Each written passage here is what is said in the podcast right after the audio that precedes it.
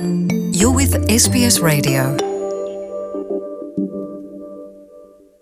Walo ia nei le ia yo Australia is a recession e pe ona whai ngoi nai i le wha Pertania le pa u mau lalo le tamau a ingo le tunu.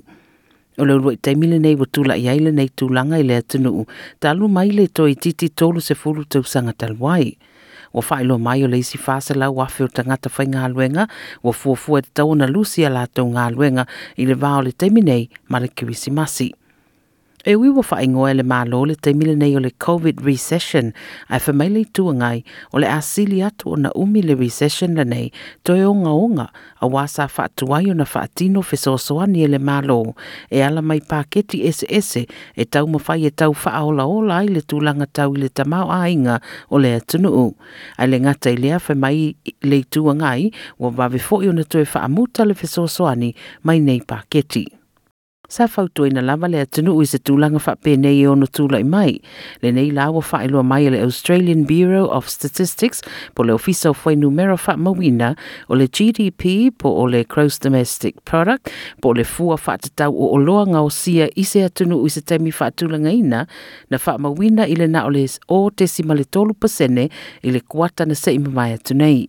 Ma o se paʻū tele lea ua faamauina ma faailoga ai le amataga o le recession muamua mua, i au se talia talu mai le a whaiva se se. I le na le li Scott Morrison e whapea. This is a devastating day for Australia. The COVID 19 global recession and pandemic that has impacted the world has impacted Australia. Australians know that's the case, Mr. Speaker. Australians know, Mr. Speaker, that many, many months ago that this day would come.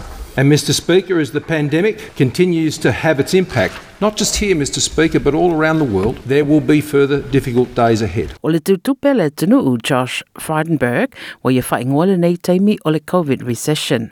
Today's national accounts confirm the devastating impact on the Australian economy from COVID 19. Our record run of 28 consecutive years of economic growth has now officially come to an end. The cause? A once in a century pandemic. The effect? A COVID 19 induced recession.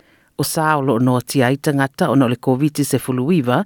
O fa ti ti ai male le tupe fa alu o au au nanga o o loa au mai ile atunu u fa pe o loa au ina tu fa o tupe te wa a inga na si ti ele se fuluiva te si male valu pasene ma o se tulaga o pito i mau lea talu mai lea fev lau fitus fulu fa ta u so upo le leipa le ofiso tupe Jim Chalmers e le o lava le ngalue ngale ma lo lo faia e fe ni ai mo tangata au se talia o lo fea ngai mane ngata. for the government to say, oh, well, we're doing better than Donald Trump's America, that means nothing to people who've already lost a job. The international comparisons, the comparisons with what the government expected three months ago, are cold comfort for Australians who are unemployed, Australians who could become unemployed in the coming months, or small business people wondering how they'll hang on. Le le Anthony ia ai o le taimi o le ina le malo le le. O se na tali le le malo i. Australia is in the worst recession in almost a century. Isn't this the worst time for the Prime Minister to be cutting JobKeeper, cutting JobSeeker, and cutting wages? The each way bets of the Leader of the Opposition. He says JobKeeper should be extended, but it should be transitioned.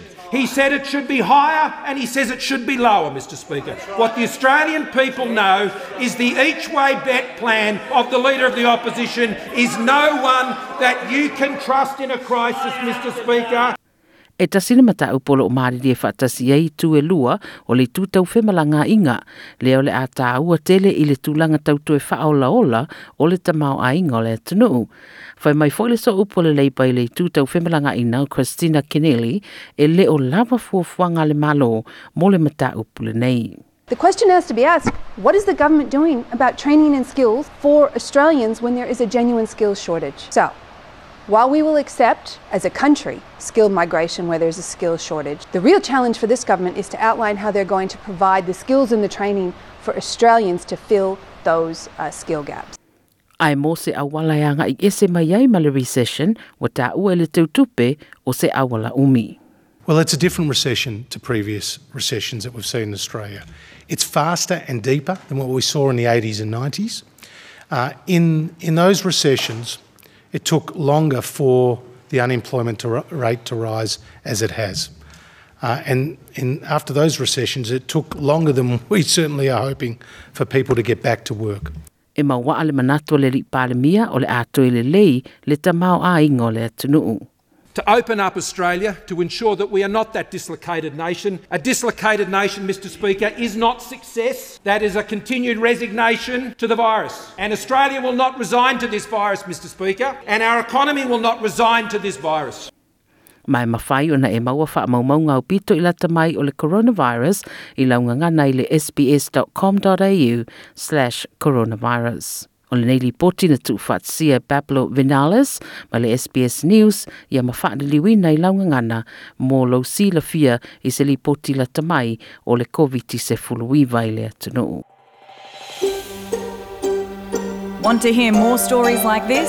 Listen on Apple Podcasts, Google Podcasts, Spotify, or wherever you get your podcasts from.